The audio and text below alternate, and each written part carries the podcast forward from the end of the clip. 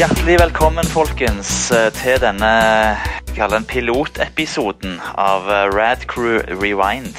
Eh, Denne podkasten skal gi dere lyttere en nostalgitripp til 80- og 90-tallet. Når dere befant dere i deres lokale videosjappe og skulle leie noen støvete VHS-er til 49 kroner for tre døgn. Til tida da Moviebox regjerte og VHS og Betamax var i full krig. Til tiden da hver tur til kinoen var ren magi, for kinomatografen hadde nettopp oppgradert lyden til Dolby Stereo. I denne podkasten tar vi for oss eh, favorittfilmer innenfor ulike kategorier, så dere er med og stemmer fram. Og så finner vi ut sammen om filmene holder seg like bra i dag. Eh, Og yngre lyttere er òg selvfølgelig hjertelig velkommen til denne nostalgifesten. Og denne pilotepisoden der har vi da landa på dystopi dystopiske framtidsfilmer eh, som kategori. Eh, og spørsmålet til dere lyttere var hvilke av disse filmene vil dere vi skal se og snakke om, eh, og hvorfor? Eh, og det var da en avstemning eh, som eh, da pågikk i noen dager. Og der tok vi oss da den friheten da til å velge kategori sjøl og et antall filmer. Og som da besto av Videodrome, Dark City, Brazil, Mad Max 2, The Road Warrior, The Running Man, Total Recall, Escape from New York, Blade Runner, Fifth Element og Robocop. Og Robocop gikk da av med seieren med uh, så mange som eh, over 27 stemmer. 27 stemmer. Eh, så På andreplass var Fifth Element, og tredjeplass var Blade Runner. Og jeg må jo si Jeg elsker Robocop. Jeg det er nok en av mine favorittfilmer fra 80-tallet. Eh, men jeg eh, hadde, en, eh, jeg hadde et lite håp kanskje om at eh, det skulle kanskje bli eh, Dark City, eh, selv om den er ikke så kjent. Men så ja, har jeg utrolig lyst til å se den igjen. stemmer. Så hva tenkte dere om denne lista? Uh, Det var ei bra liste. Dark City har jeg sett. Uh, forresten, jeg heter Jostein. Uh, så bør vel introdu introdusere meg sjøl. yes. Og du, du er Ketil, er du ikke det? Jeg er Ketil, ja. Stemmer det. For de som kjenner Retro Crew, så kjenner dere igjen Ketil. Men ja, jo, den lista var bra. Når det gjelder Dark City, den har jeg sett én gang. Den er laga av han Alex Proyas. Mm. Og den virk, han virka veldig lovende en stund. Uh, og nå lager han bare garbage. Så jeg vet ikke Ja. hva som skjedde med han. Han lagde iRobot, som er ikke bra. Oi, oi, oi. Um, men Dark City var liksom du, The Matrix var mainstream-filmen, Altså Dark City var liksom underground-versjonen av The Matrix, på en måte. Ja, stemmer. Uh, det, og jeg husker jeg likte han veldig godt, så jeg må få se han igjen. Hva tenkte du, Jack, om denne lista? Var det noen du eh, Var du veldig glad for at Robocop kom ut på toppen, eller var det noen andre du kunne tenkt deg å sett? Jeg er veldig glad for at Robocop eh, kom ut eh, på toppen. Vi skal sikkert snakke litt mer om dette på hvordan vi kom inn i det her og sånn, men uh, Rad Crew Rewind er vel slags et lite hjertebarn av Ketils filmklubb som vi starta i fjor.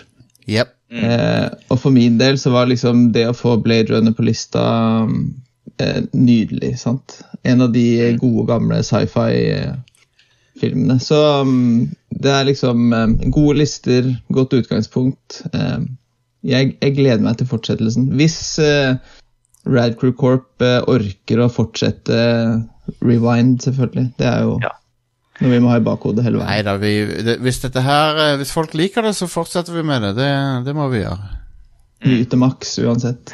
Det var jo klart det at det var jo en eh, Det var noen eh, kommentarer òg på, på posten vår i forhold til at uh, Uh, det er noen som uh, selvfølgelig var veldig hardt Tristan her. Han syns jo 'Escape from New York' absolutt burde komme ut på topp. og Det var Kurt Russell. Ja. uh, vi har òg noen som kommenterer at dette ligner litt på han Hans han sier det har dere blitt Chat Movies. Uh, og det er klart at eh, det er jo en podkast det òg som har uh, samme type konsept. Men uh, vi er ganske originale for det, altså, selv om vi er selvfølgelig litt inspirert av andre ting som er der ute på det store internettet. Ja. Det, det, vi, det vi har her, som jeg ikke tror så veldig mange andre har òg, det er at eh, jeg føler meg på en måte tatt inn fra gata. Jeg er han eh, mannen på 37 som har eh, blitt glad i gammel film i det siste. Ja. Så jeg er på en måte ungdommens eh, og de yngres alibi og representant inn her. Ja, ja, ja, ja. Det er det jeg syns er så magisk med deg, Jack. Det er jo òg når vi hadde denne her denne filmklubben, at uh, du kommer liksom helt uhilda og skal se Mm. Under Siege Mm, Uh, mm. med Vet ikke hva jeg går til. Har hørt om en Eh, takescene en gang. Ja, Det er det er liksom det. magisk. Eh, så det, det gjør det hele ekstra spennende. Uh, Marius uh, sier basically Retro Crew Neon. Det er, var jo faktisk for så vidt ganske interessant navn. Det stemmer jo faktisk ganske bra. Det, det er faktisk en perfekt beskrivelse av hva dette showet er. Hvis du har hørt liksom Red neon og uh, Retro Cruiser, er det, ja, det blir jo en kombo av de to, nesten. Mm, mm. Og Han nevner også at han håper at research-entusiasmen er like høy som på Neon og Retro Crew. Og det vil jeg jo definitivt si at han er. Nå har vi jo uh, Jostein som eh, tidenes filmmusikkekspert og har uh, eh, mange gode nuggets på lager om mange av disse filmene som sikkert flere som ikke har hørt om fra før. Mm. Så det blir nok en uh, meaty episode, dette her, med masse Mm. kos. Uh, Du vet Erlend nevner jo Hæ? Nei, du, du vet hva det var Jeg var jo gjest på en annen podcast etter Nerdelandslaget. Og eh, Ja. så var det, fikk jeg en kommentar etterpå som var sånn sit, Det var noen som spurte meg Sitter du og googler liksom mens du snakker. Altså, De har ikke hørt uh, Radcrew før, da? Så sa jeg nei, jeg er bare en loser. Eh, Jepp. som kan eh, jævlig mye, for det eh, har ikke gjort noe annet, vet du, med livet mitt. Det er sånn vi kjenner det. Ja. Jeg, eh, jeg tror nok mange som kan kjenne seg igjen i det. Jeg var jo i, når jeg var i USA nå i fjor høst, så uh, traff vi et vennepar fra Los Angeles. Uh, og vi kjørte rundt i uh, uh, i California på litt diverse vinsmaking. Og i, i bilturene mellom disse eh, forskjellige plassene på vingårdene og sånn, så dro jeg jo hele tiden anekdoter fra diverse filmer og serier og det ene og det andre. Og de bare sånn du, Hva er det med deg? Du, du er liksom en fyr fra Norge som kan mer om amerikansk popkultur enn vi noen gang har truffet på, liksom. Da er hjernen din blitt forsøpla. Um, Jeg tror det begynte for min del når, når vi fikk parabol uh, i 1987. Ja. Ja, Det, det, og da var det ingen vei tilbake, på en måte. stemmer det. Jeg husker det sjøl da jeg var eh, liten. Jeg bodde på Lambertseter, de første drabantblokkene som ble bygd i Oslo eh, på 60-tallet, vel. Og da eh, når jeg skulle flytte derfra, da var jeg fem år gammel, og jeg var illsint og skikkelig skuffa. Jeg visste at dit vi kom, så var det ikke parabol. Jeg hadde ikke Sky TV. Jeg hadde ingenting lenger. Nei. Jeg skjønner. Nei. Det er, jeg, jeg eh, husker vi fikk, eh, fikk aldri parabol, men eh, kabel-TV kom etter hvert Ja. på, på 80-tallet. Og da hadde alle den samme kabelboksen. Mm. Da syns jeg det var utrolig kjekt å ta den eh, fjernkontrollen med meg ut i gata og Ja. stå utenfor vinduet til andre og skifte kanaler. Eh, når jeg nettopp hadde fått denne her, så var de borte oppe og slo på TV-en og greier, og det var kjempegøy. Så bra. Yes. Yeah. Eh, det er supert. Da, uh, da skal vi som sagt eh, snakke om eh, Robocop. Det er en film fra 1987. Det er en amerikansk science fiction-film. Diskuterte faktisk litt om skulle, om vi kan kategorisere den som cyberpunk. Jeg ser jo han blir eh, omtalt som det enkelte plasser. Uh, han er regissert av Paul Verhoeven, og han er skrevet av Edvard Normeyer og Michael Miner. Eh, de som er med i filmen, er Peter Weller, Nancy Allen, Dan O'Hurley, uh, Kurtwood Smith, Michael Fair og Ronny Cox, annet. Det er mm, satt i en dystopisk framtid i Detroit, Michigan. eh, der eh, vi har da eh, fått en eh, ny, Uh, ny type politimann. Robocop. Han, uh, han er da et produkt som eh, tidligere blitt Han er et produkt av eh, og han har blitt myrda av en gjeng med kriminelle. eh, og eh, blir da uh, gjenoppliva av denne her eh, megasvære selskapet OCP, Omni Consumer Products, som en cyborg eh, som da heter Robocop. Som jeg lurer på, OCP, Ketil, må være en, eh, en parodi på din tidligere arbeidsgiver, tror jeg. Eh, General Electric, ja. ja. Ja. Det er, jo, det er jo sant, det. Det er jo sånn GE òg var jo et uh, konglomerat av Ja, ja. selskaper som drev egentlig med alt mellom himmel og jord. uh, altså Alt fra å lage lyspærer og kjøleskap til eh, å drive bank uh, og lage flymotorer, liksom. Ja, ja, ja. Jeg vet ikke om dere har sett den der eh, Det er en sånn der grafikk som er blitt lagd over liksom disse uh, topp eh, selskapene i verden. eh, de topp globale selskapene eh, de siste ti åra. Så liksom GE ligger liksom på toppen hele veien. Og så det som skjer i, eh, etter 2008-2009, når du bare ser liksom disse tech-selskapene bare tar over, og Å, GE ja. bare forsvinner av kartet. Det er helt vilt. ja, det er sykt. Så eh, Men ja. Eh, så temaene i Robocop er bygd opp mye av altså eh, media sin, eh, sin, eh, sin makt. Eh, sant? Det er korrupsjon, det er liksom et syn på jappetida, kapitalisme eh, og liksom menneskenes eh, menneskene litt sånn grådige natur, eh, og hvor, hvor man en plassert en kan bli eh, hvis du lar ting gå for langt.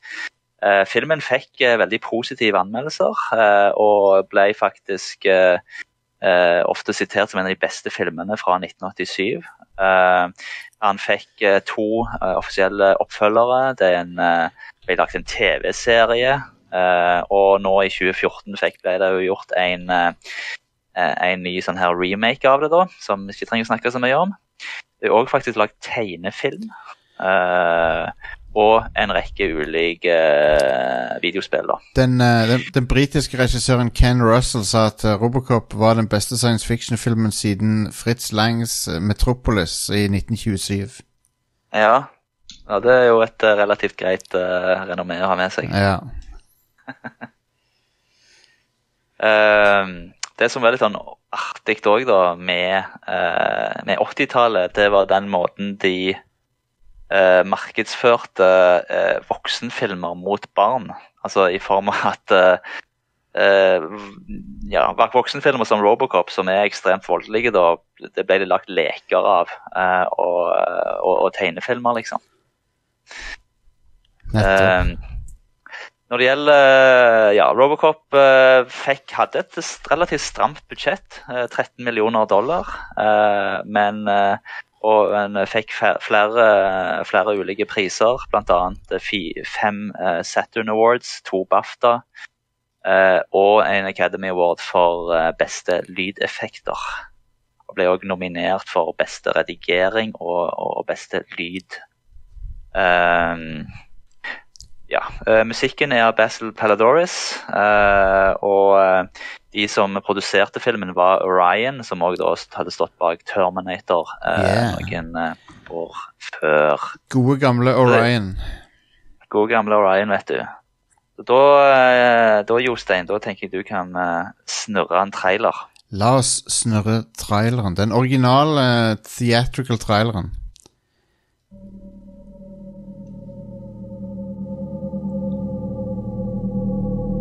Get the best of both worlds. The fastest reflexes modern technology has to offer, onboard computer assisted memory, and a lifetime of on the street law enforcement programming. It is my great pleasure to present to you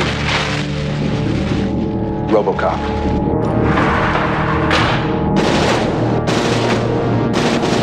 This guy's really good. He's not a guy, he's a machine. Old Detroit has a cancer. Ah! Cancer is crime. Let the woman go. You are under arrest. You better back up, pal! Your move, creep. What are your prime directives? You have the right to remain silent. You have the right to an attorney. What is this? Anything you say may be used against you. He's a cyborg, you idiot. He recorded every word you said. You're dead. We killed you. His memory's admissible as evidence. You're gonna have to kill it. Get in the car, for God's sake!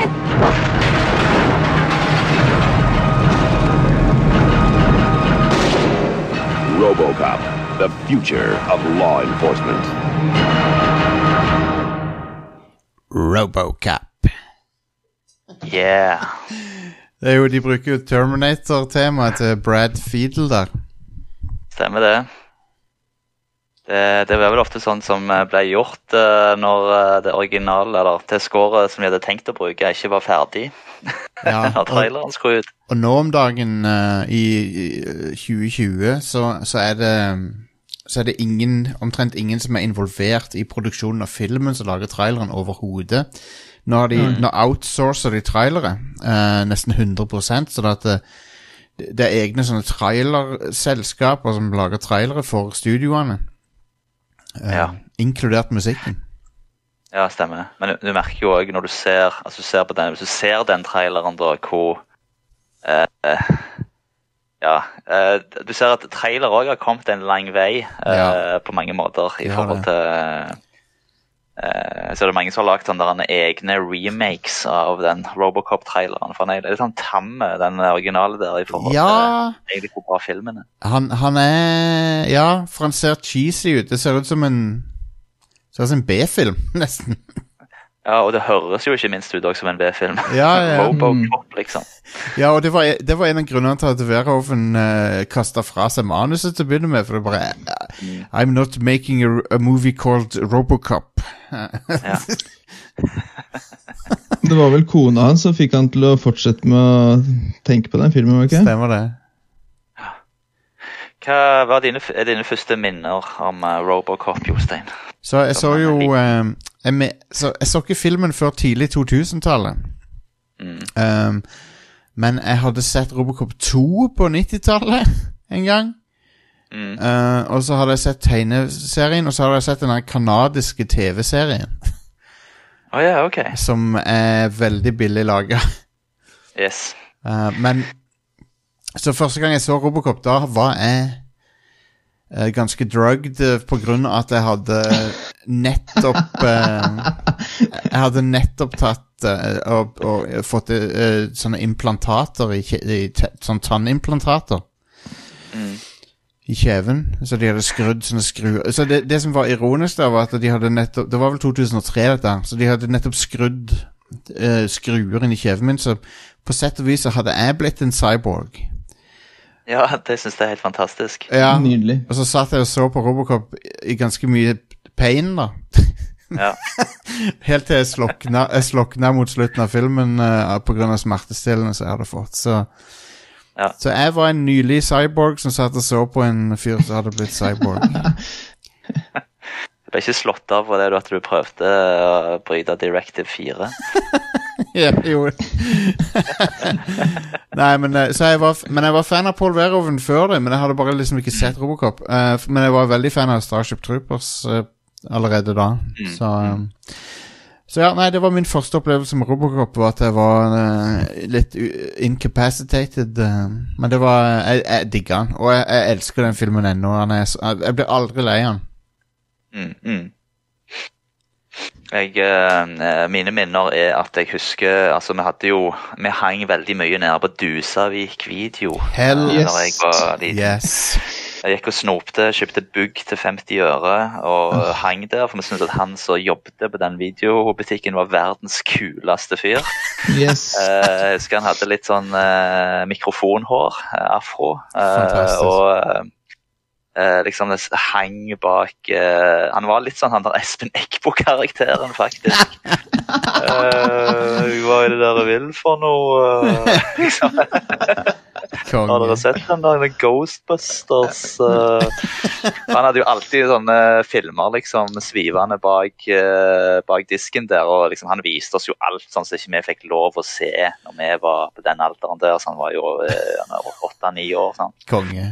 Um, eh, og Da husker jeg det at jeg så den Robocop-plakaten. Det var sånn Robocop-cutout da, som sto, sto inne på Dusavik video, og det var liksom Wow, hva er dette for noe? Det, det ser så awesome ut.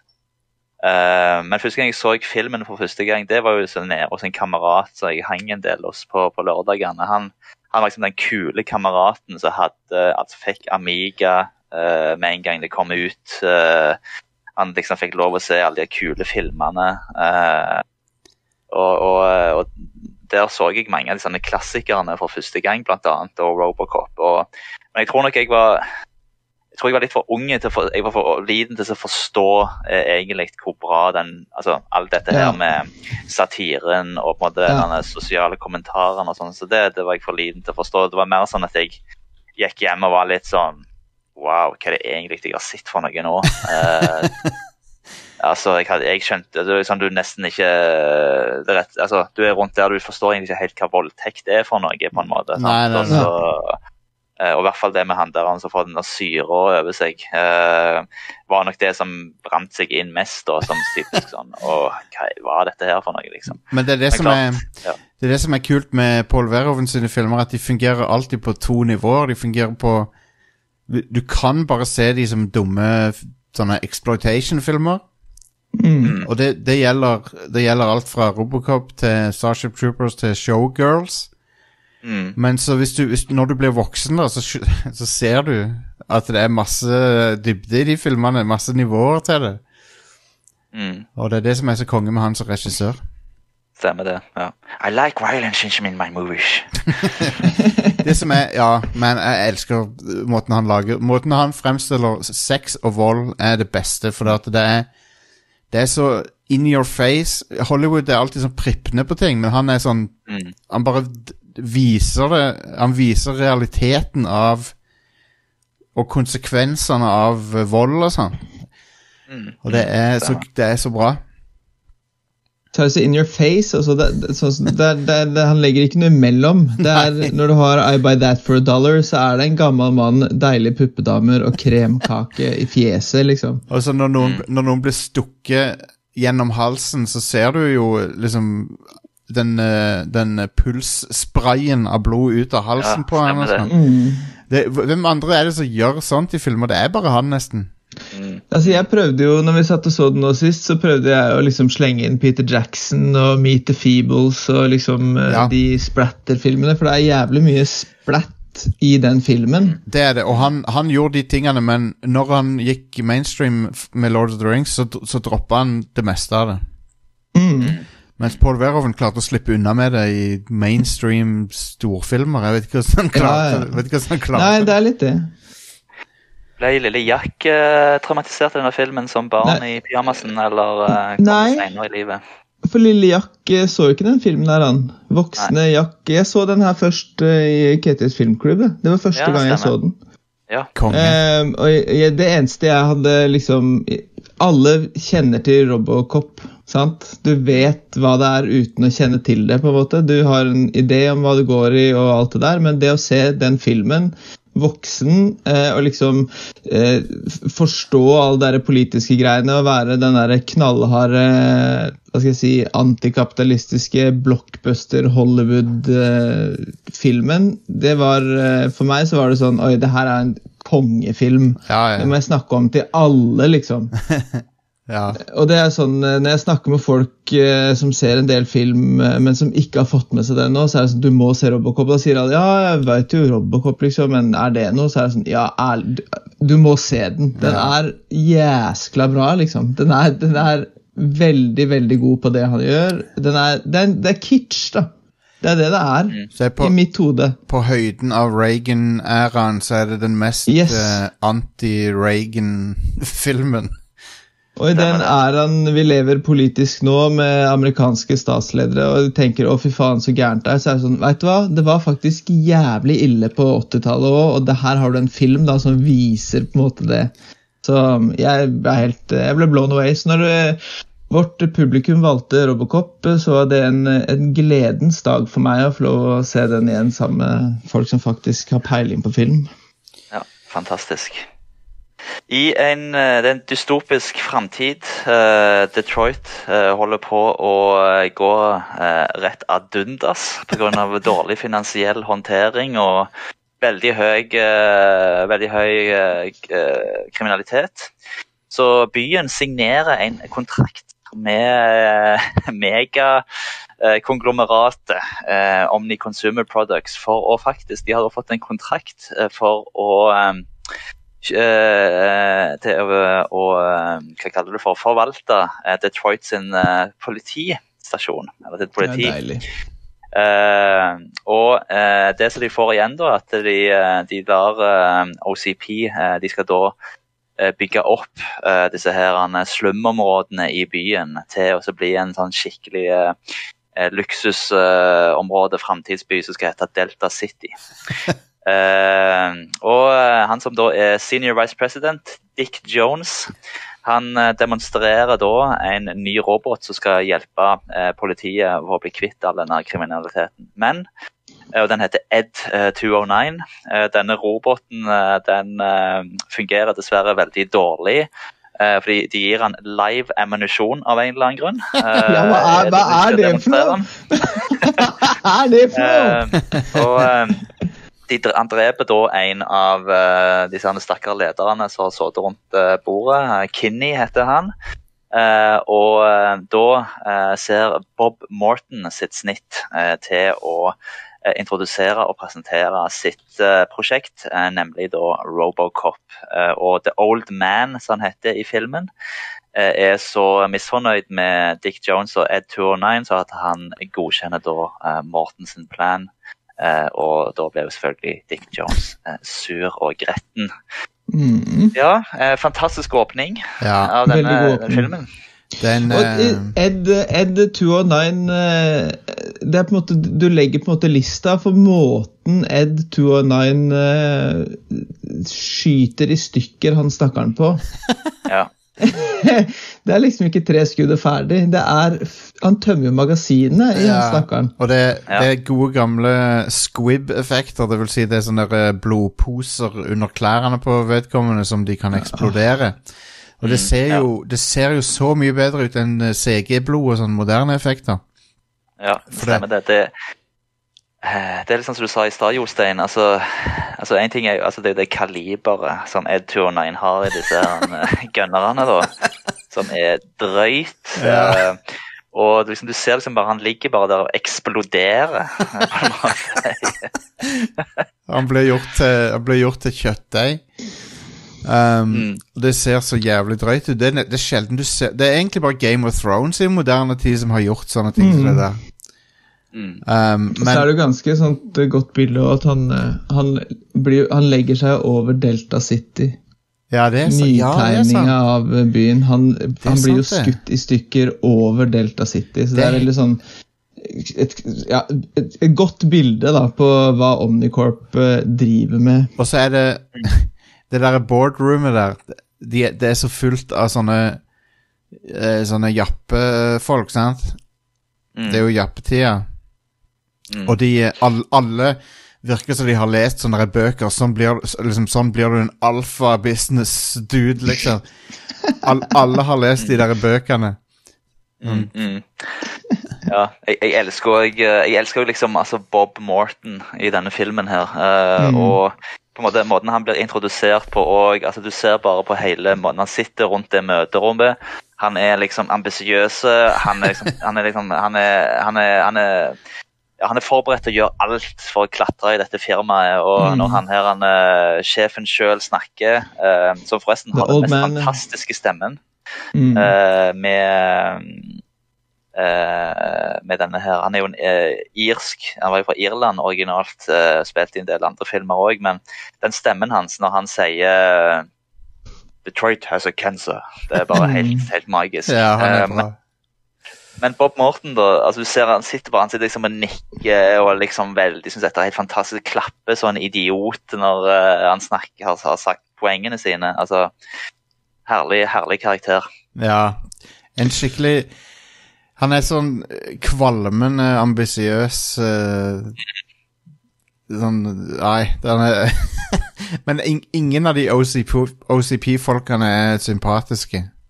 Nei. Så når, når han duden blir skutt i filler, så er han der, eh, the old man. Da, han, han er jo bare sånn derre Dette er skandale, liksom, for, for firmaet, men ikke, Ja. ikke, ikke fordi han duden er blitt fuckings revet i filler, men det er, det er han tenker liksom på andre ting. Stemmer det. Det er liksom, det er liksom ingen som bryr seg om det, at han ligger der. Det er bare sånn eh, Det var jo den scenen som Verhoven sa ble ødelagt av klipping eh, når de skulle når en del av de, en del, eh, På en del kinoer så ble han jo kraftig sensurert. Ja. Eh, sånn at det, du gikk liksom glipp av den der eh, satiren eller komedien med den der uh, over the top-volden, da. Mm. Eh, så når noen da sier 'somebody please call a goddamn paramedic', liksom, så det mister liksom litt av stingen når du ikke har med all, all den ekstreme volden, da. Yep. Det starter så, starter så godt òg når alle, er, alle som ikke er the old man, er strebere. da. Ja. De som er under Rob, Bob Norton òg, de er jo kiss-ass til Bob Norton. Bob Norton er kiss-ass til han som er liksom sjefen sjøl. ja, det er jappetida. Alle driver og klatrer. Mm. Mm. Det er veldig Det er en jæskla god start på den filmen der. Vi ser jo òg eh, typisk Verhoven-særpreg er jo bruk av sånne her nyhetssendinger eh, for liksom å ta oss gjennom eh, ta oss gjennom handlingen og liksom sette stemningen. Ja. Og Eh, med noen reklamer, blant annet, som er helt fantastiske. for en briljant måte å introdusere oss til det, liksom, dette er fram, Sånn er det i framtida. Dette er universet. Her er liksom no, et, et glimt av nyhetene i det universet. Her er noen reklamer og sånn. For dette, da får du en Da får du et bilde av det samfunnet. Ja, du får en følelse. Og så hva er det cashphrasen her? We'll give you three minutes and uh, we'll Nei, you give us three minutes, we'll give you the world. Og det er jo en Ja. ting som han, Verhoffen har jo To ganger har han spådd framtiden av nyheter, og det er denne filmen og Starship Troopers. Og i Starship Troopers er det enda mer presist, for der, er det, der har han basically spådd Fox News før det fantes, da. Ja, stemmer det. Uh, ja, og, og, og ikke minst Detroit som en by i finansiell ruin. Ja, det er også, eh, er en ting. Fordi, for at all, liksom, kanskje nedgangen hadde begynt på det tidspunktet pga. Bil, bilindustrien begynte å gå dårligere. Men, Mm, ja. Men han, han basically har spådd skjebnen til Detroit, da. Ja, stemmer det. Eh, for det, og det eh, eh, En ting er jo at dette, denne filmen hadde jo et eh, relativt stramt budsjett. og det merker du jo gjerne på eh, altså hvis du ser en del av de scenene. altså Bilene i filmen, alle kjører jo rundt i sånn 1986 eh, Ford Taurus. Ja, det her er 2028, er det ikke det? Og så er det fortsatt de samme bilene. Det er imp- Ja. Imponerende. Det er vel, det er vel off Offisielt så er det vel The Near Future. Uh, Ja, Ja, stemmer det. Uh, og, og grunnen til at uh, Verhoeven valgte de bilene, var at han syntes de så futuristiske ut da, i 1997. Mm. Um, men, men, men på en måte så altså, Det plager meg ikke, det tar meg Ikke- ut av filmen at Nei, det er Ikke i det hele tatt. Og du har jo også den derre Sux eh, 6000, som er liksom den nyeste, som er jævla fet fordi han bruker sinnssykt med bensin, liksom. Det også er en greie at de, de, reklamen er liksom den her bilen bruker så mye bensin at uh, det fins ikke maken i universet, og det er positivt. Det er nydelig. altså Det viser jo bare den der forståelsen om liksom oljesamfunnet og, og hvordan USA på en måte er ja, et eh, gammeldags land i en moderne innpakning. ja. Og ja, for det, det, det som jeg, jeg Det slo meg litt, for jeg så Total Recall nå i helga. Ja. Og uh, der har han jo Der har de jo, hadde de jo større budsjett, så der har de jo sånne her eh, framtidsbiler. ja, Mm. Uh, men problemet med det nå i dag er jo at jeg syns jo det ser teit ut. det ser veldig teit ut. Eh, er så, Du ser at de er flimsy, du ser liksom at de veier ingenting når de kjører. Sant? De, liksom, de Ja. vagler fram og tilbake. Det ser Ja. mer ut som en sånn type biler som du tok i Legoland når du var ti år. liksom. Men det er jo eh. Men det er jo produksjonsdesigneren på alle Verhoven sine sci-fi-filmer. Det er han der, eh, Jeg tror han heter jo, Han er en eller annen nederlender. Han heter Jost Vakano. Og han Ja, eh, mm. eh, all, uh, Starship Troopers, Total Recall, denne her de har veldig Alle de sci-fi-elementene er veldig sånn boksete og firkanta. Ja. Mm, mm. Og det er litt sånn det er, ikke, det er ikke det beste med filmene hans. For at det, de, de, I Starship Trooper så fungerer det for så vidt, for at der er det bygd til krig, og det er liksom bygd i hui og hast for å liksom Men, Ja, ja, ja. men uh, det er noe med produksjonsdesignet til han fyren som er sånn veldig Det ser litt billig ut. Mm, stemmer det. Ehm, så blir vi introdusert til eh, vår eh, kjære Alex Murphy, eh, som er en ny politibetjent i politienheten i Metro Vest. Vi blir også introdusert til Ann Lewis, hans nye partner. Ehm, de, blir fort, de blir fort kommandert til å til å følge etter en eh, gjeng eh, som er kjent for eh, meget voldelig kriminalitet i området. De har nettopp gjort et ran. De kjører etter de, og det er en skuddveksling. Videre så prøver de å etterforske de, de klarer også å spore de opp til der de gjemmer seg, en, en nedlagt stålfabrikk.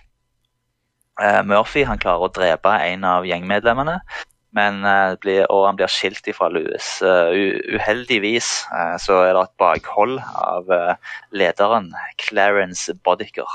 Oh, elsker Clarence. Ja, og så følger det jo en ekstremt voldelig og forstyrrende scene der Boddicker Bodicker og hans partnere skyter Murphy gjentatte ganger med. Eh, og Boddicker avslutter med å skyte han gjennom hodet. Eh, og Louis eh, kommer dessverre for seint eh, for å hjelpe til. Og Murphy blir eh, evakuert, eh, men dør da på sykehuset. RIP. Ja, Ja, dette er jo veldig forstyrrende scene, men det er jo gjort for å liksom eh, understreke eh, hvor eh, nådeløs han der Clarence Boddicker er. Mm. Og, og også for å understreke at uh, han Murphy kan umulig overleve det. ja, stemmer det. ja. Uh, men han blir jo basically, det er jo basically en slags korsfestelse. Um, Mm, mm. for det er jo nesten litt sånn bibelsk, for at han har armene ut til sidene, og så skyter de av han alt som er de, de, de Ja, det er lem for lem. Ja, ja, ja. Og så blaster de ut hu huet på han, så Det er en brutal scene, og den er gjort med det, Altså, den ser eh, Den er sjokkerende. Ja, den, den, den, eh, den er drøy. Jeg, eh, jeg må si jeg ble litt jeg, Som et barn av eh, 80- og 90-tallet med mye vold og gørr, så føler jeg ganske blasert. Men jeg, eh, den, den, den sleit jeg litt med i dag å se igjen, altså. Jeg må si Ja. det. Jeg syns den er ganske ekstrem. Fordi de d- dveler på det, og så er han i live Han er i live i 30 sekunder etter den første runden med Så han liksom sitter og er i, smerte, liksom. Mm. Prøver å gå, han prøver å gå, liksom gå vekk der og det, det, Altså, det er, det er så jævlig sånn Nå skal vi være kjipe med deg, og så står de bare og ler av han. Liksom, Ja, det, er ja, det, det er jo at, de bare, at han, er, han er skutt i filler, og så står de bare og ler av han mens han liksom blør ut, da.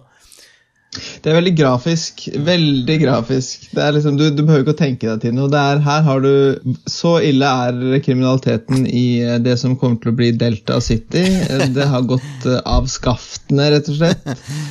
Så noe må jo gjøres, da. Så er spørsmålet okay, hva er det man gjør for noe? Eh, selger man politiet til Omnicorp, eller prøver man å gjøre noe annet? Nei, vi selger politiet til Omnicorp, og så tar vi det derfra.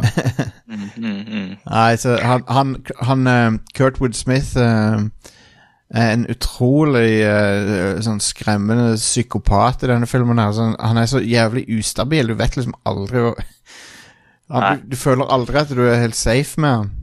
Mm. Altså, det, det er noe du- ubehagelig når han er med i, i scenen. Altså, Ja. du, du, du blir Ja, ja. redd for fyren. ja. Og det ender, På slutten, også, hvis vi sikkert kommer til å snakke om scenen, så ender du opp i at han går rundt med en uh, sånn eh, nesesprayflaske med kokain. ja, stemmer. Som han bare kjører i seg hist og her. Ba, uansett hvor han er og hvem han snakker med, så bare drar han opp den, og så er det et par sånne åh, lette sånne for å liksom få gang på det. Så han er jo helt Han er så ond og drugged out of his mind at uh, du, får, du kjenner på en måte på den derre følelsen at det her er en fyr som ikke er stabil i det hele tatt. Mm, mm. Det som jeg lurer på da, ble han født med høyt hårfeste? Uh, det Ja, det er et godt spørsmål. Men, eh, jeg føler han alltid hatt en sånn Mange av disse her som er liksom sånn forever old, føler jeg. Disse, Mm. Han er jo eh, de, Veldig mange, sikkert av yngre publikum, kjenner han fra That 70's Show. Mm. Ja, stemmer. Uh, men en ting som jeg lurer på, Jostein, du har jo gått på skyting. Ja. Eller, men altså kan du, altså kan du i prinsippet skyte av noen ei hånd, sånn som det med ei hagle? Altså Går, går det liksom i Få høre praksis? nå, Jostein. Hvis du er på kloss hold med sånn grov hagle, så går Jeg vet ikke om hånda faller av direkte, men du kan jo Du ødelegger jo hånda sikkert, men jeg vet ikke. Det blir bare mush. Ja. Hagle, det er bare mush. Det er bare masse stålpellets som fyker ut der. Så. Ja, Det blir vel heller sånn at det blir til kjøttdeig, ja. Ja. Mm. For her, her bare flyr hånda av. Ja, de, de parterer han jo, basically. Det er Ja, det de gjør. det. Men det kan jo være et slags framtidshagle da, som har veldig heftig uh, packs of punch. Men, uh, Ja, det kan en 12 gage, eh, et eller annet. Jeg syns jo det er litt interessant òg, da, at Altså, for i den neste scenen, når han er på sykehuset, så så ser, ser du på en måte at de liksom prøver å behandle han da, eller du har, altså du får, for du får liksom ser ting fra førstepersonsperspektiv fra Murphy. Mm, Men han har jo blitt skutt i hodet, ja. ja. Uh, så det er jo litt interessant at du uh, Ja.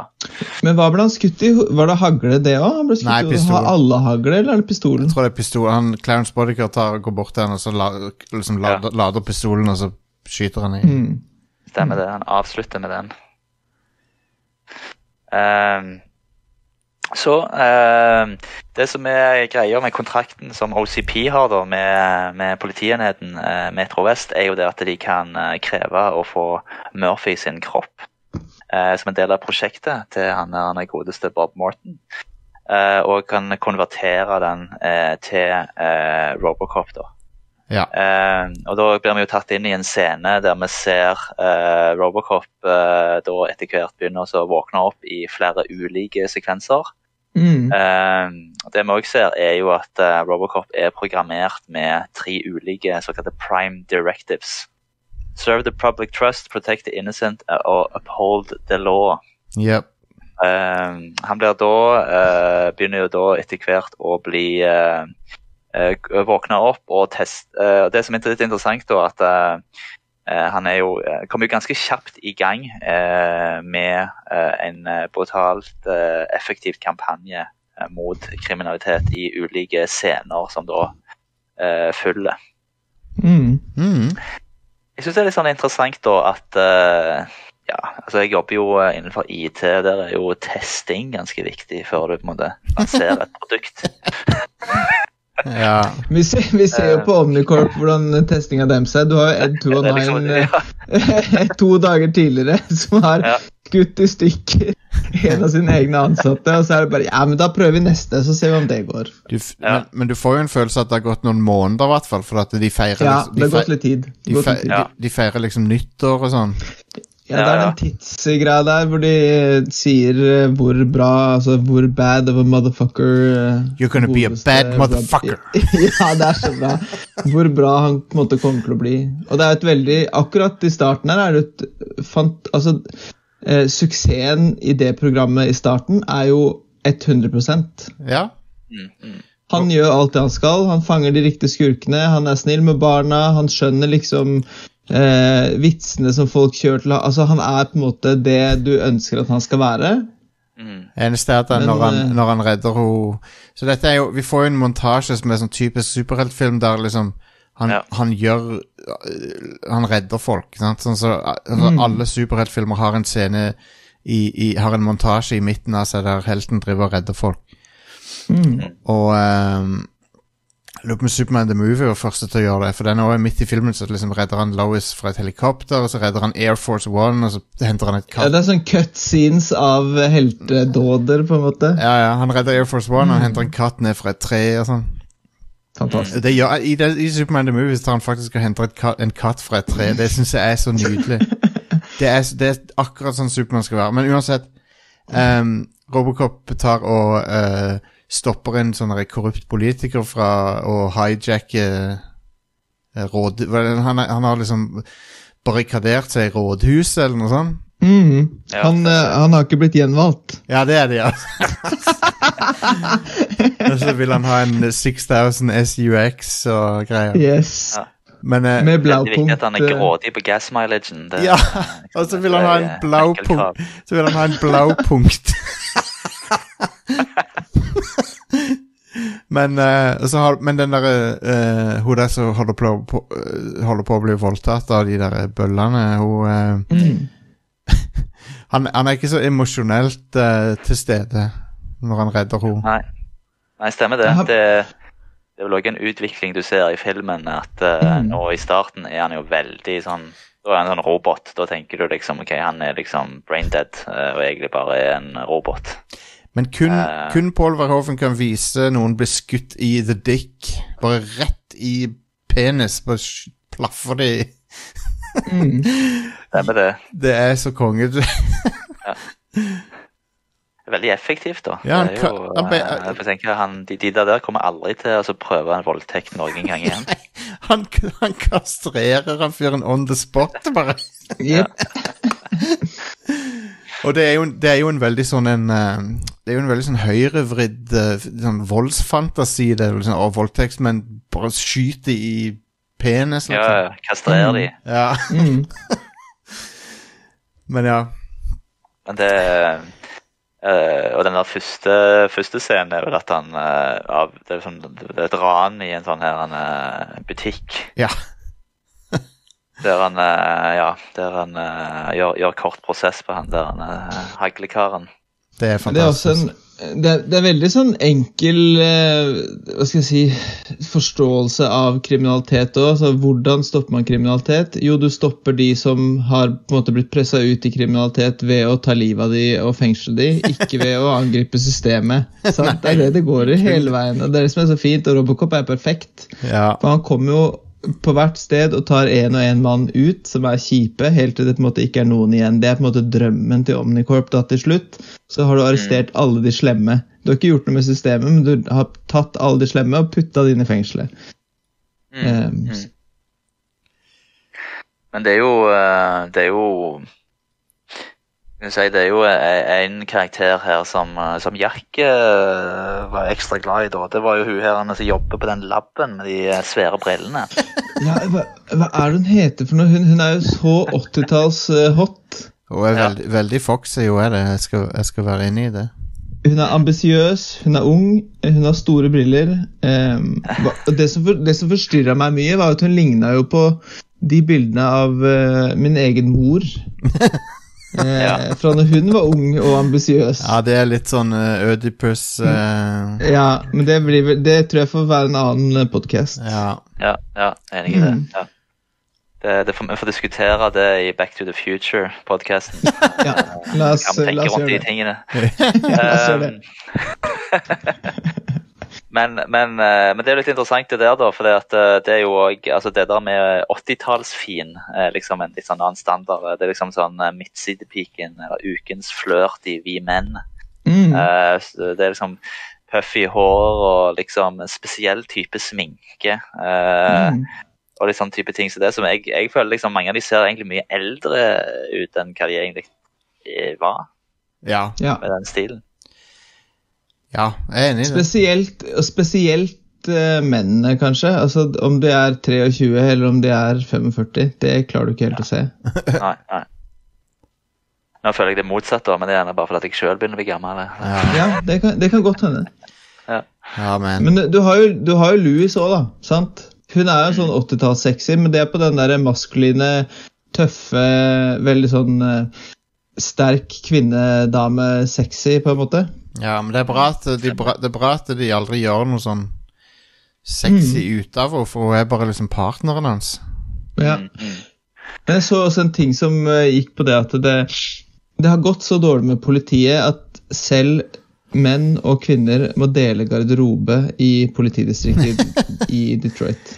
Det er sånn, det er jo et veldig godt poeng. det er en sånn Paul Verhoeven-greie, for det gjør de jo i Starship Troopers òg. Der er de også, Mm. dusjer de sammen og sånn. Ja.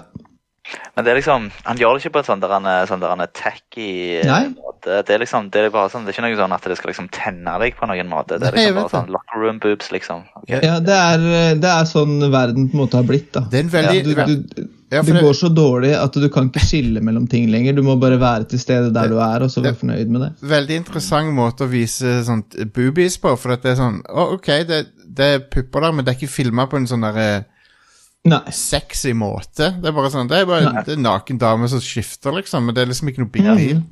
det er veldig rart. Det er ikke så vanlig å veldig, se sånt på film. Veldig, veldig moderne. Ja, det er det. Mm. En, en annen karakter da som blir også uh, introdusert til litt altså Helt i begynnelsen, som jeg glemte å nevne, det er jo han uh, Reed. Eh, Og han, uh, han syns jeg alltid er så, er så sinnssykt badass. Altså, Du ser det på blikket hans eh, når eh, altså, nye kriminelle blir tatt inn. Eh, Mm. Og liksom når han må eh, I begynnelsen der når det er en annen politibetjent som har blitt drept. Når eh, Louis eh, og eh, Murphy kommer inn, så, så er liksom The funeral will be tomorrow. Så Ja. han er veldig sånn Mm. stemte og You can send the flowers as usual to the precinct. Ja, gi, Altså, gi penger til han der eh, duden med brillene. Ja. Ja, ja, ja. Eh, men allikevel så merker du altså Han spiller sykt bra fordi at han er bestemte. Fordi at han må, han må, unng, han må unngå at de begynner å streike igjen. ikke sant? Ja. Don't want to hear anything about any strike. Sant? ja, han sier det. Bare streiking, det skjer ikke. Nei. Uh, men samtidig så merker du at han har altså Under den harde uh, overflaten da, så er han liksom Han er liksom skikkelig good guy. Ja, han er det. Eh, og liksom er sånn da trygge, trygge karakter, virker det som. Eh, Mm. så, så, så han er en sånn, han er en sånn favoritt i bakgrunnen. Ja. Ja, han er pressa pressa hardt på ressursene, stakkar. Stemmer det. Eh, eh, hva var det kommet da? Jo, eh, det som skjer da videre, er jo at Robocop begynner å huske scener eller hendelser fra Murphy sitt liv, eh, Mm. og òg måten han ble drept på. Ja. Eh, Louis treffer på han tilfeldigvis i, i gangen på politis, politistasjonen og, og, og sier til han at han er Murphy. og Da ser at han blir sånn sjokkert. og begynner å, Da begynner det å eh, gå litt gale. Eh, da begynner han også å gå ut på egen hånd. rive river seg løs eh, og er eh, eh, eh, er bl.a. ute og eh, eh, besøker hjemmet sitt. Han er på visning. Etter han har, ja. Men eh, rett og slett ja, visninger. Og rett før det så er han jo òg inne i politidatabasen med denne her lange stikkarten Ja. sin, denne USB 7.0-greia, ja. eh, for å identifisere disse gjengmedlemmene, da. Eh, ja. Eh, det som da skjer, er jo at ja, han kommer til hjemmet sitt, der er det visning, men det er jo eh, helt totalt eh, forlatt. Mm. Eh, og eh, samtidig, eh, eh, etter en eh, kommando fra selveste Dick Jones, så kommer Boddicker hjem til Morten når han kokain, sniffer kokain av puppene til damer fest. eh. Han har fest. Han har fest. Har fått seg to eh, prostituerte, et tonn med kokain og kan være liksom helten i sitt eget liv for en gangs skyld. ja, det er helt konge. Eh, det er det mest uh, 80-talls jeg noensinne har sett en scene. Ja. Jepp. Det er liksom han snorter kokain fra eh, kløfta til hun dama, Mm. Mm, ja. og um, så kommer Clarence Boddicker inn og sier den beste replikken i filmen, som er 'bitches leave'. Bitches leave. Det er så bra replikk. Eh, Det er så bra replikk at du får T-skjorter der det står 'bitches leave'. Um, så tar han og med, han, han eh, meddeler jo da at eh, At eh, han Dick Jones har uh, fått nok av det han Bob Morton holder på med. Mm. Og han har da betalt uh, Clarence Boddicker for å ta livet av han. Så Clarence Boddicker tar en uh, håndgranat, legger en i huset, og så Først så tar han og kneecapper han Bob Morton med pistolen, legger inn en håndgranat, Mm. så går han rolig ut, og så sprenger hele huset hans. Men der har han også den der videohilsen, og den er jo, kommer jo igjen seinere. I'm cashing you out, sier eh, Mm. Dick uh, Jones til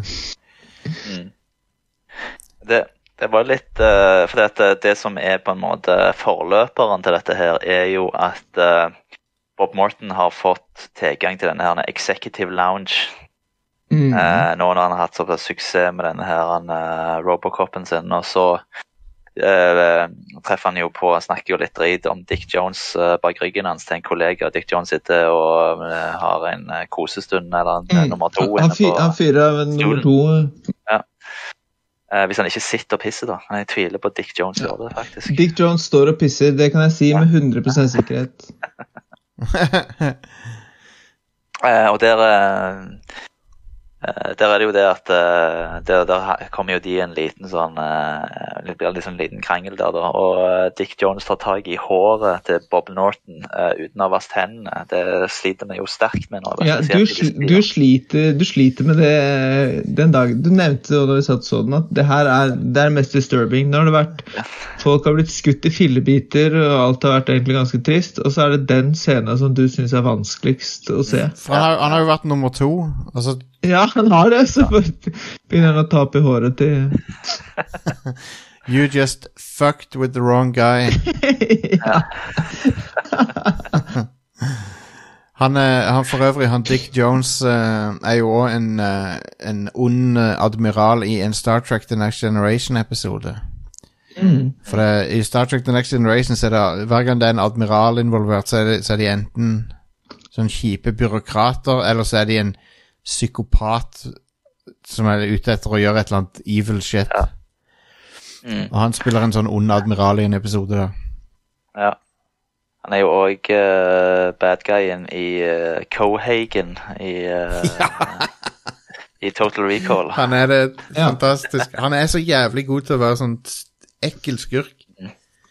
Men det òg så jeg jo en sånn dokumentar om Robocop at det òg var jo sånn Verho- er jo sånn Verhoven eh, spesialtrekk er jo å bruke skuespillere som tidligere har eh, spilt det helt motsatte. Ja. Mm. Eh, han som spiller Dick Jones, eh, han eh, Ronny Cox, han var jo tidligere kun eh, spilt i sånne han er wholesome eh, familieserier og vært sånn der han er prest. Ja, ja. Og så liksom blir han gjort det helt motsatte. Samme med hun eh, Nancy Ellen som spiller Anne Lewis. ja. Uh, hun var liksom langt hår og liksom eh, sweet teenage crush-jente, liksom. Og så første jeg fikk beskjed om av Paul Verhoeven, var 'cut your hair'. sant? Mm. Uh, hun skulle liksom ikke være noe sånn en uh, typisk sexsymbol. Så Så yep. det er jo litt stilig. Ja, ja, ja. Eh, ja, så eh, eh, tar jo da livet av eh, Morton. Eh, jeg synes he- he- hele tiden altså, den scenen med Robocop når han er kjører hjem og liksom går gjennom huset sitt og sånt, det er litt, eh, litt sånn mer merkelig. Én ting er jo at de bare har forlatt det huset sånn i hu og hast, ser det ut som. For det er jo masse Mm. ting som står igjen, både av ja. planter og møbler. ja. Eh, eh, men så syns jeg jo òg den måten synes jeg også er sånn typisk sånn Pål Werhoven, da. Bra framtidsvisjon. Det er at du bare har en sånn datamaskin som står og forteller deg om visningen. Ja, det er sant det. Og vi har jo elektroniske sånn, visningsting i dag, bare på internett da. Ja. Men, men det er jo òg jeg, tenker, jeg tenkte òg, når jeg så det siste gangen nå, at eh, det har sikkert litt med det å kollapsen av uh, suburbsene å gjøre i Detroit. ja. At de, eh, på, på grunn av at det går så drit med Detroit, så er det liksom Kanskje det er sånn masse, masse utflytting av suburbene. ja. Folk må bare komme seg ut av byen, rett og slett. Ja. Og komme seg unna Fint hus, da, for så vidt. Komme seg unna alle de svarte som flytter inn, sant? Mm, Det selvfølgelig. var, det, var jo, det var jo det som skjedde i Detroit IRL. At de Ja, ja. hvite folk ikke ville bo der de svarte flytta. Ja. Fantastisk. Så har Eh. også en sånn flashback-scene i huset når han kommer inn på soverommet. ja, stemmer det. Eh, For han har jo sett den før, og når du ser den scenen før, hvor kona hans kommer imot ham og sier 'jeg må snakke med deg', så får du den 'faen, det her går til helvete'. Men når han spiller den scenen fullt ut, så er det en bra scene, egentlig, for hun sier at hun elsker han, og ting er på en måte veldig bra. Stemmer det. Yeah. Uh, for det, det er vel rundt her òg du får denne fantastiske reklamen for uh, Nukem. Uh, dette her spillet. Sånn, eh, Det jævla brettspillet. Han kiden som sier, kiden som sier 'Pakistan is threatening my border'. no more military aid for you, Buster. Det er eh, fantastisk reklame. For et spill! Nukem. Nukem. Det er herlig. Det er magisk.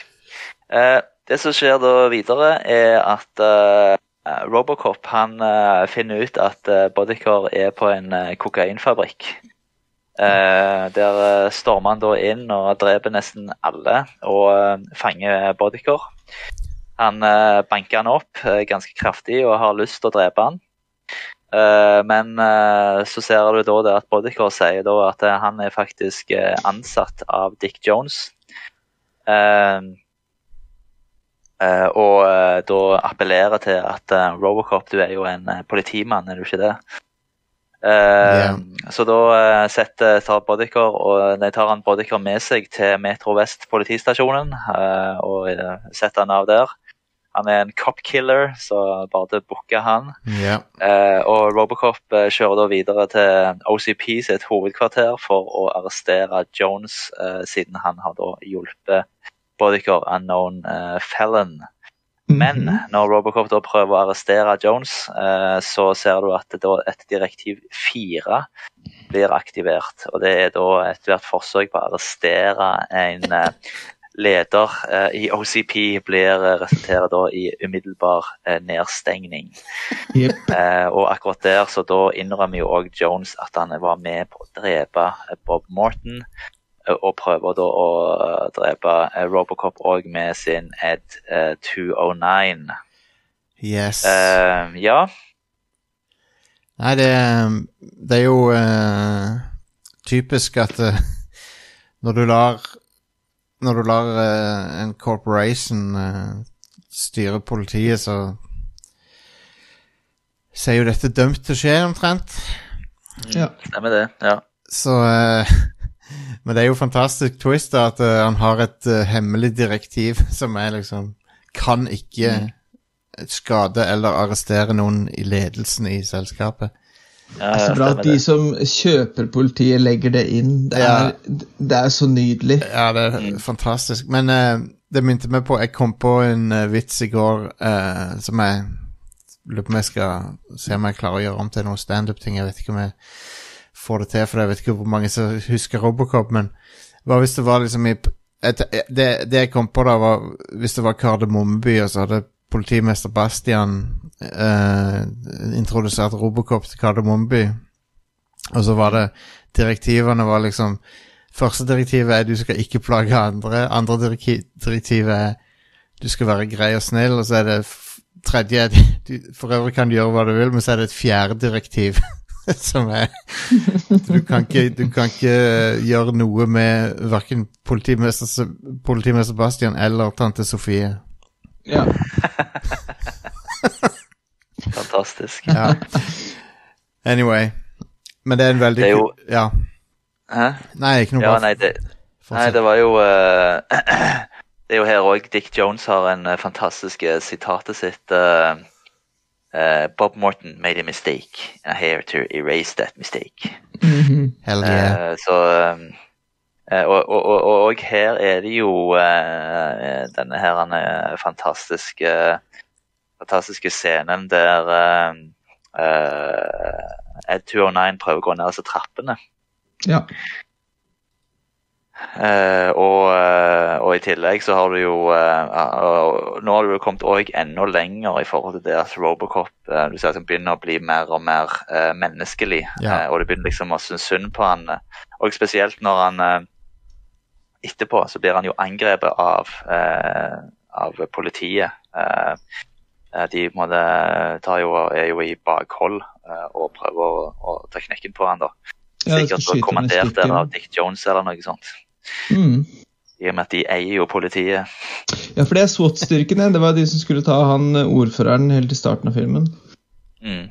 Eh, og politiet, da, bakkegutta, de står jo og spør hva i all verden er det som foregår, og sier at vi kan ikke skyte han, for de har jo også skjønt at Robocop er egentlig en good fyr.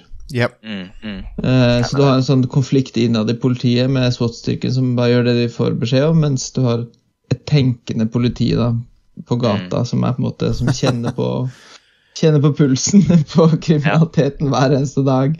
En sånn eh, så, Men det går jo dårlig for Robocop, da. Ja, det. Ja. Uh, en, ting, en ting som vi ikke har snakket om til nå, det er jo altså, Filmen hadde et budsjett på 13 millioner, og jeg tror Mm. mange, mye av de pengene gikk inn i den drakten til, Ja. til Robocop. Eh, Absolutt. den ser jo eh, utrolig bra ut den dag i dag. Det Gjør det. Selv i HD og i dagslys og Mm. så Du nevnte også at du hadde fått en BAFTA for lyddesign, og den lyden eh, med når Robocop går, er jo noe for seg sjøl. Ja, det er sant, Det er det. sånn, uff, Ja, Jeg er sånn lagt på en ekstra subwoofer der. det er kongelyd. Det høres litt ut sånn som på varmestua på Ådne ramskitrekk når eh, Ja. jeg går inn med slalåmstøvlene. Litt sånn. Litt, litt sånn. For en spesifikk referanse. ja, veldig spesifikk. Eh, nei, for det at eh, Det som jeg så eh, leste òg, da, eller Jeg tror faktisk jeg så det på den der en, dokumentaren, det var at han så, Det var han som Rob Bottin som eh, skulle designe eh, Robocop-drakten. Han fikk jo ingen enkel oppgave. Nei. Eh, for de var jo eh, Altså, visjonen til Paul Verhoeven, det var jo litt som du nevnte tidligere, Jostein, det var jo den filmen 'Metropolis' Ja. eh, fra Mm. 1927. Eh, og i utgangspunktet så Det hadde jo han fortalt til eh, til, til han der Rob Bottin, da. Og greia var jo det at han da designet den første Han lagde jo sånne full size skulpturer av draktene. eh, Hvordan de skulle se ut, sånn at liksom, de skulle få et inntrykk av hvordan det ble da. Den første første skulpturen han lagde, var jo veldig like sånn som eh, resultatet ble. Men da hadde både disse her eh, De eh, som har skrevet skrev manus, eh, og de som på en måte var eh, Og Paul Verhoeven for eksempel, hadde fått for seg at de skulle ha sånne her, japansk-inspirert sånn manga-greier i dette her. Mm. Eh, Så de begynte å ta av gårde med all slags andre ulike design. Så det neste designet ble jo noe som ligna veldig på Judge Dredd. Ja. Ja. Eh, og det var ekstremt mye fram og tilbake, så han han eh, godeste Rob Bota han eh, var jo ikke på talefot med Paul Verhoeven eh, senere pga. at det hadde vært så mye fram og tilbake. Og det sier jo Paul Verhoeven i dag òg, at han eh, eh, innser jo at de satte jo han på prøve. Eh, ja. Eh, for Det som òg var problemet, var jo at når drakten først ble levert, så kom han jo tre uker for seint, og de var jo allerede det var, Han kom samme dagen som de skulle begynne å ta opp, eller å ja, filma scener med eh, Robocop. Eh, og eh, Peter Weller satt da i elleve timer eh, og ble da tatt på denne her drakten. Eh, og etter elleve timer skulle han da, skulle da begynne å filme. Eh, og da innser jo Peter Weller at eh, denne drakten eh, kan ikke jeg bruke. For han hadde jo brukt da allerede tre måneder på å øve sammen med en sånn mime slash dans-metode. Uh, skuespill, eh, eller instruktør, da, uh, som han hadde liksom lært seg ok, hvordan du kan gå Han hadde brukt amerikanske fotballdrakter og lært seg hvordan han skulle gå, hvordan skulle han bevege seg, hvordan skulle han mime som en robot. Eh, i og med, uh, For å få se det mest mulig realistisk ut. da. Men det klarte han ikke å gjøre med denne drakten. som han fikk, Så de måtte gjøre masse tilpasninger, og Peter Weller nekta og, og at de skulle fortsette den filmingen. Det ble masse bråk pga. det. Hæ. De var, jo, så de var jo allerede forsinka allerede i starten Uh, i, med denne filmen. da. Eh, og Det ser jeg òg, det er Og, og, og selve Selve prosessen med, med filminga her sier de, altså alle de som var med, eh, som du ser i intervjuer, de sier at det, Det var helt grusomt. Det var en ekstremt varm sommer. Mm. Uh, dette ble jo filma i uh, Hvor var det det ble filma hen nå igjen? Var det i Dallas? Texas, Texas, Austin. Ja, Texas, Austin, Texas. Uh, og eh, alle var jo steinvarme, eh, og ikke minst stakkars Peter Weller da, som var inne i den drakten. Så han hadde jo egne folk som sto med vifter foran han. Han hadde sånne eh, slanger nede i den drakten for, med luft for å kjøle han ned. Eh, og det var flere som sier, sa at Blant annet han som produserte filmen, Arne Schmidt, sier jo det at han sa til seg selv jeg skal aldri lage en film igjen etter det. Eh, så så det, det er liksom en ting sånn som uh, jeg føler kjennetegner mange av de filmene som faktisk blir bra, da. I hvert fall en del av de. ok, Sett år vekk fra gjerne Alien 3. Som hadde mye problemer under selve produksjonen. eh, ofte òg ender opp veldig bra, da. Eh, men all ære for og Peter Weller der, da. Sant, ikke sant, for å, alle, De hater han jo. altså Paul Verhoeven hater han jo, men han sier jo i dag at ok, all ære til han for at han faktisk satte foten ned og, og gjorde det. For ellers hadde ikke filmen blitt på nær så bra. og Det, det ser du i mange scener, òg, og f.eks. inni denne kokainfab kokainfabrikken. Når han, Mm. måten han beveger seg på når han skyter ned disse her, han, eh, kjeltringene rundt omkring. Ja. Eh, at liksom han, han har veldig sånn her, en distinkt belevelse når han beveger hodet, når han beveger armen.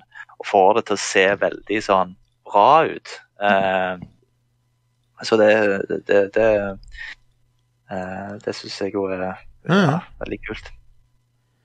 Cool. Uh, ja, uh, videre så uh, Ja, Robocop eh, klarer jo å komme seg unna eh, angrepet fra både politiet og, og Ed 209. Eh, og Louis finner da Robocop og hjelper han å rømme til en nedlagt eh, stålfabrikk. Så han kan reparere seg sjøl. Og der ser vi jo da òg Robocop uten eh, hjelmen for første gang. Yep. Ja. Eh, eh, det som da òg skjer parallelt, er at eh, politiet, eh, som da er forbanna på OCB, OCP og deres drifting, eh, de går i streik, og Detroit går inn i en kaosmodus. Eh, og eh, Jones eh, og Dick Jones, eh, som da på en måte har eh, latt eh, Boddicker og gjengen hans eh, gå komme ut på gaten igjen, har jo da til og med gitt han eh, gitt de tunge militærvåpen som eh, Cobra Cannon annet. Eh, og har gitt de òg denne her, eh, eh, mobile enheten som gjør at de kan spore opp eh, Robocop. Og Jepp. da, det de da får i oppdrag, de skal da ha, og, ha, ta livet av han. Eh, og, og finne ut at, at han oppholder seg på denne eh, stål, eh, stålfabrikken. Ja, eh, her skjer det jo en del interessant. Her har vi en av dine favoritter, kanskje, med Toxic Waste-scena. Emil, eh, han eh, Det går hardt utover han i filmen. For det første så er jo denne bensinstasjonsscenen der han Ja. på en måte blir tatt og kasta av den motorsykkelen. Jeg trodde jo først at han hadde daua der, nesten, men uh, han kom ut av fengsel igjen, og så er det rett i det der syrebadet. Uff a meg. Og der har du splatteren, da. Der har du den Ja. der virkelig splatteren hvor det på en måte renner, øynene renner ut av hodet på han, og fjeset er helt deformert. Veldig bra makeup-effekter. Mm. Ja. Og eh, når han Ja. blir truffet av den der 6000 SUX-en, så Ja. da blir han uh, splatta utover bilen. Eller liksom han bare blitt til væske. Bare blitt til liquid. Han eksploderer liksom bare i så, så har du liksom bare hodet som bare dabber på panseret. Liksom, bang, bang, bang. Veldig kul. Veldig bra effekter, men sykt eh, nasty. Ja. når han først tryner over panseret der, så er det jo bare væske igjen, stakkar. Ja. Ja, stemmer det. Nydelig. Det er en grøt. Det er nydelig. Det er en av de der scenene som jeg tror traumatiserte tusener av barn. Når de så det. Ja. Jeg ble, jeg ble traumatisert av den. Det var en del sånne smelta fjes-hud-scener Mm. som traumatiserte meg som liten. Den andre var jo Ja. i, fra Indiana Jones, Ja. uh, Raiders of the Lost Ark. Mm. Ja, den er fantastisk. det er noe med de praktiske effektene som tuller med hjernen din, liksom. Ja, det ser så ekkelt ut. Det I, i, i Raiders of the Lost Ark så gjorde de det med stearin, tror jeg. Ja, så ja, stemmer det. Uh, og så liksom De, de, de filma ei maske av stearin smelte under en sånn varmelampe, og så speeda de det opp. Eh, men det, ja. det ser, for, ser så ekkelt ut.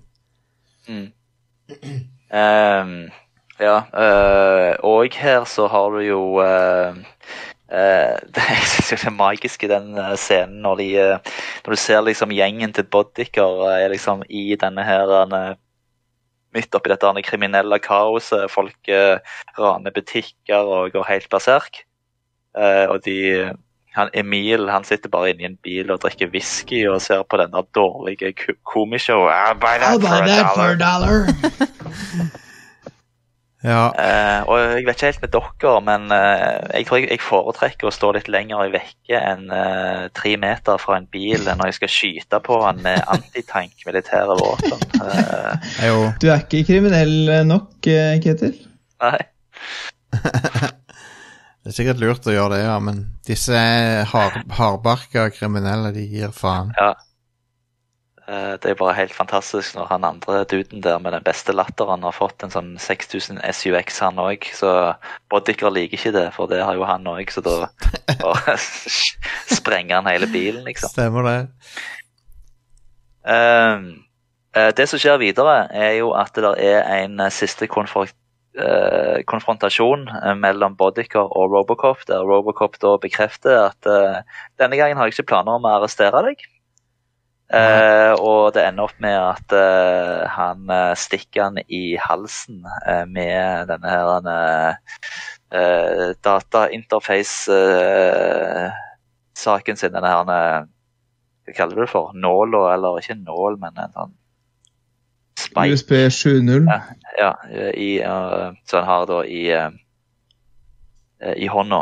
Eh, og før det så blir det jo, er det jo, har vi jo òg jo eh, Det skjer jo mye der med at eh, han er partneren til Boddicker han slipper jo masse sånne stålbjelker over Robocop. og ja, da, da, sånn, sånn, jeg bare sånn Når jeg ser det, så er det bare sånn Nei!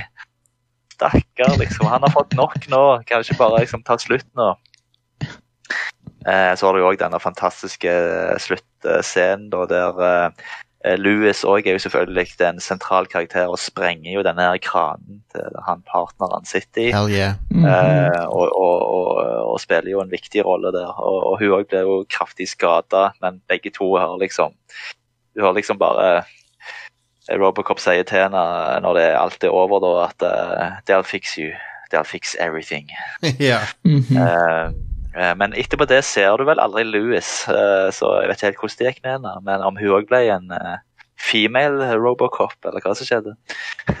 Nei, hun er, hun er er, kul eh, hun er, hun er tilbake i toeren, så Du er tilbake i toren ja. Jeg tror faktisk ja, den, jeg Kanskje jeg husker jeg har sett den, faktisk. Den er Den er ikke så dårlig som du skulle tro. Nei. Nei. Men han er ikke, han er ikke fantastisk, men han er liksom Han er ok. Så det er Verhoffen som gjør uh, eneren, da. Ja, og uh, Toren er laga av han som lagde Empire Strikes Back. Som han, han er jo dyktig regissør, sånn, men uh, Ja. Mm. Det er ikke noe direkte galt med Toren, men den er litt sånn uh, de, de, Den er like voldelig, eh, men han er Jeg vet ikke, det er noe med attituden til Toren som er sånn han er, han er litt sånn uh, Han mangler den humoristiske Han var, mangler den svarte humoren litt. Grann. ja. Ja. Eh, Uh, Det som er funny med, med toeren, er at eh, når den skulle komme Det her er jo for alle dere som uh, følger med på wrestling der ute. Så Robocop hadde jo en uh, one time appearance i uh, paperviewen Capital Combat i 1990. stemmer det? WCW. han. Ro, Ro, Robocop har en walk-in hvor han redder Sting fra et angrep mot The Four Horsemen. Hell yes. Og det er peak 1990 slash 1989 eh, wrestling, populærkultur, alt. Robocop kommer inn på en wrestling paperview, redder Sting fra et uh, bakholdsangrep av The Four Horsemen. Faen, så bra. Tok- Det er jo det er bare helt magisk. Ja, det er det. Ja. Uh, WCW var jo eksperter på sånne ting. Uh, Ja. på. De Eh, var eksperter på dere- mye. Det er òg et, er et uh, bilde med Richard Nixon og en ekstremt dårlig Robocop-figur. Har dere sett det? Nei, det nå googler jeg det. Skal vi se her. Det er jo da um... Det er kostyme. Det er det mange som egentlig lurer på hvordan hvordan huleste ble til. Uh, men det er faktisk eh, Det var i forbindelse med en kampanje som de hadde med en sånn eh, den amerikanske boys club, en sånn, sånn speidergreier, eh, med en innsamling av eh, en innsamling av penger. Og det var en del av en sånn her en, ja, en eller annen promotering fra Orion, da. Ja, Så Herregud, herregud, så bra. det er jo ganske magisk. Å, man, jeg ser det nå. Det, nei, det er Ja, det bildet er jo helt episk. Hjel, Hjelmene hjev, Ja, hjelmen.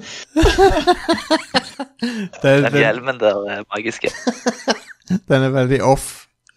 Ja, veldig oh, off. Nydelig. Ehm, ja, eh, og, og videre da, så er det jo da at eh, Robocop han eh, returnerer jo da til OCP igjen. Han tar knekken på Ed 209, eh, og for han har med seg Bodycar sine våpne, Ja. våpen. Ja.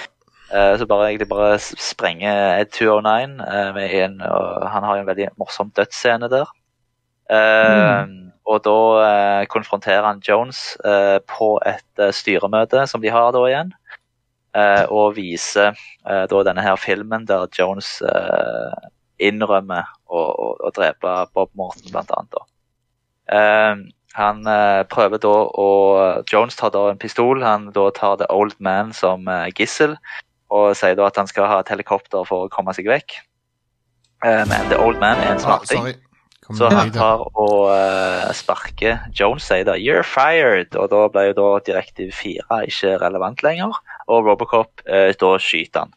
Og da faller Dick Jones fra dette tårnet. til. Elendig, det fallegreiene. Ja, ærlig talt. Vært, Den, alle spesialeffektene har vært så kjempegode hele filmen, og så er liksom avslutninga crescendo i det volds... Uh, uh, ja, voldsgaloren som det har vært, og så er det den tryninga til.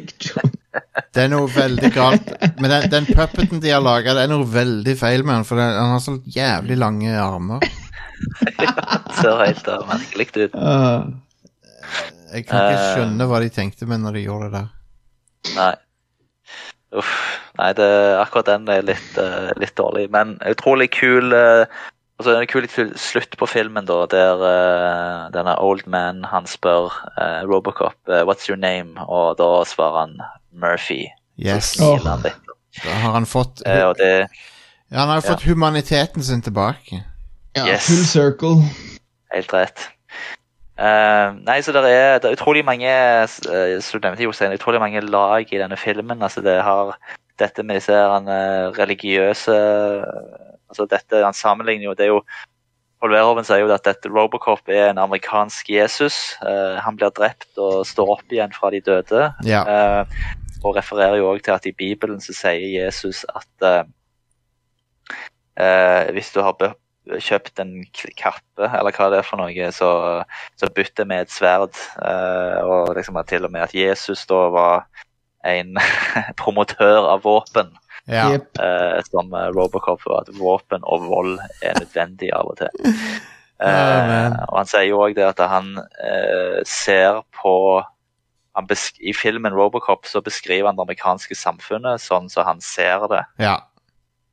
Eh, helt sånn objektivt, egentlig, uten å prøve å kritisere det eller promotere det, men bare ha et nøytralt syn og si OK, dette er det jeg ser. Sånn ferdig.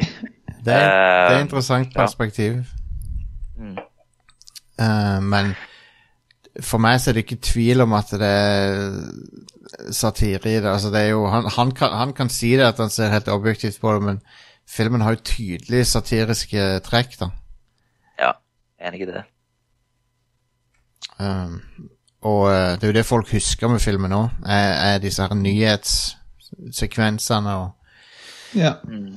Og eh, den her overdrevne volden og Men, eh, men ja, det er jo det er en amerikansk Jesus-fortelling, og i, liksom, og så er det i ruinene av bilindustrien.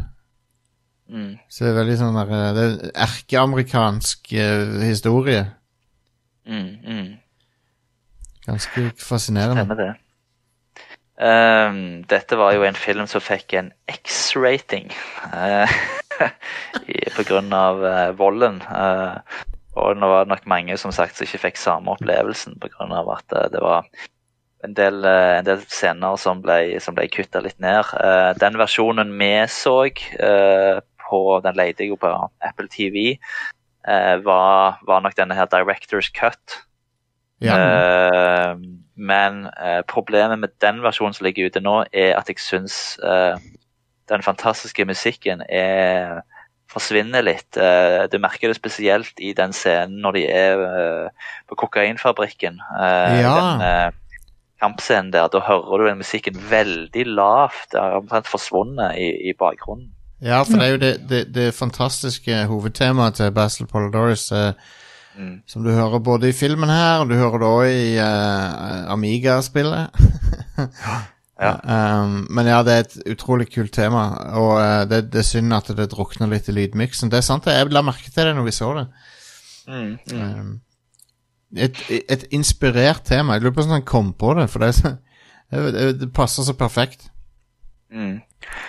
Men ikke, det stemmer ikke det, Jostein. Han er vel litt kjent for å lage sånne episke tema. Jo, han er det. Han har jo laga masse bra musikk. Eh, Conan the Barbarian, han lagde Robocop, han lagde Starship Troopers. uh, den har òg amazing musikk. Um, han lager en hel haug med ting. Men Conan the Barbarian er kanskje mesterverket hans, da.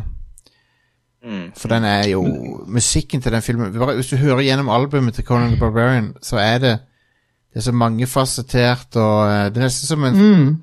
Nesten som han har skrevet en hel symfoni, bare Det, det er så variert. Så han fyren var et geni. Han døde dessverre i 2006 Rip. Uh, av kreft, altså han døde litt tidlig. Men Ja, han uh, stemmer. Basil Polidorus har laga så mye bra. Han har også The Hunt for Red October. Ja. Ja. Og en uh, klassiker. Ja. Um, så eh, vi, vi savner han. Men um, Uh, han, Ja. han sier jo òg at uh, Paul Verhoeven uh, gikk rundt som en robot i studioet hans for å han skulle lage musikk. Ja, men, Det ser jeg jo bare for meg. ja, herregud.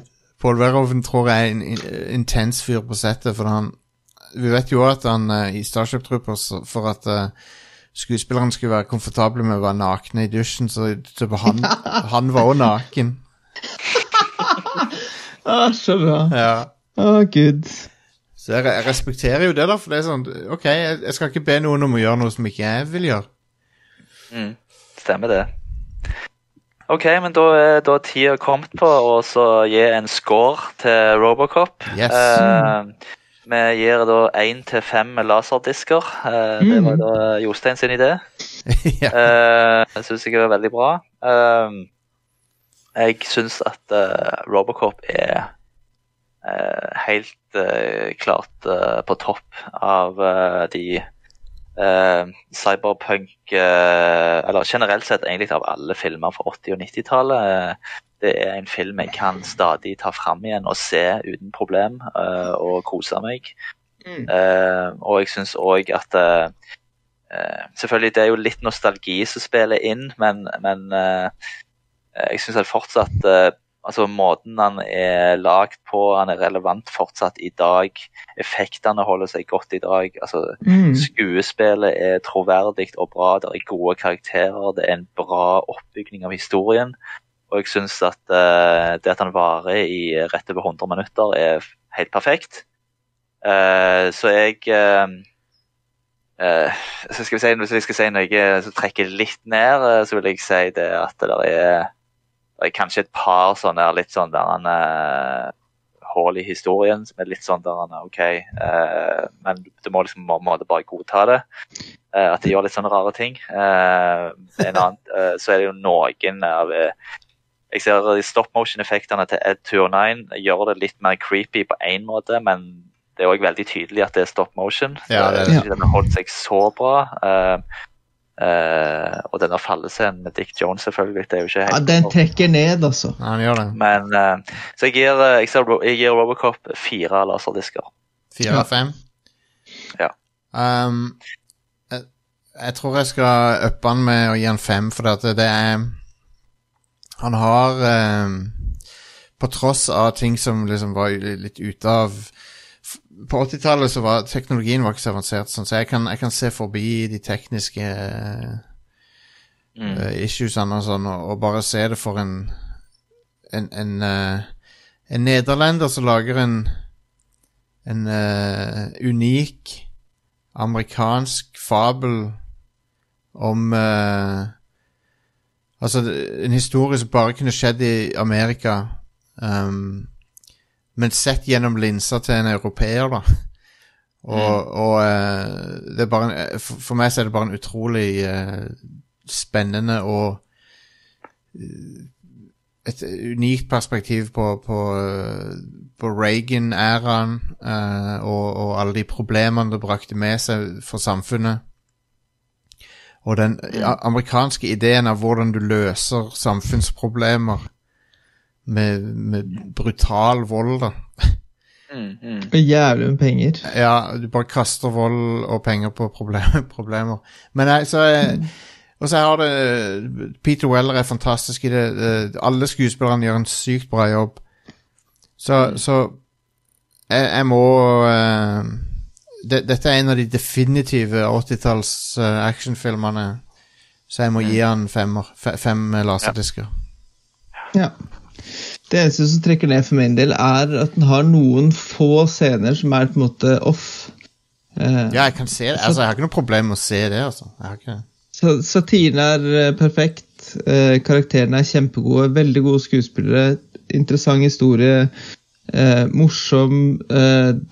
Splatter nok og alt. Men så er det noen scener som du føler på en måte at ok, den tar noe hvileskjær da, som kunne vært gjort på en annen måte. Så eh, Og det er det eneste som trekker ned, egentlig. Så det er eh, fire deilige laserdisker eh, herfra. Ja. Konge. Fire, fire deilige laserdisker fra, fra, fra Jack. Mhm. Ehm, kan, vel, kan vel for så vidt òg selvfølgelig si at vi kan få lov å gi eh, halve på, laserdisker òg. kanskje etter hvert. Vi får se. Ja, ja. Mm. da har vi jo et snitt på 4,33333 ja. Det har vi. på Robocop. eh, og da er det lagt inn på lista. Eh, så da eh, er det gjenstår det egentlig bare å si at jeg håper lytterne syns dette tullet var gøy å høre, på. Yeah. Eh, og så eh, snakkes vi i community-gruppa eh, om, eh, om, om videre hva som skjer videre. Eh, og jeg syns det var utrolig kjekt å se denne filmen. Eh, for de som ikke har sett den på en stund, ta den for all del opp igjen. Se den igjen. Kos dere. eh, og ja, jeg, tar- jeg syns det var bare veldig kjekt å snakke om denne filmen. Helt enig. Ja. Alltid, kjekt kjekt å prate med dere, så anytime. Yes, da sier vi takk for oss. Ha det bra. Ha det bra.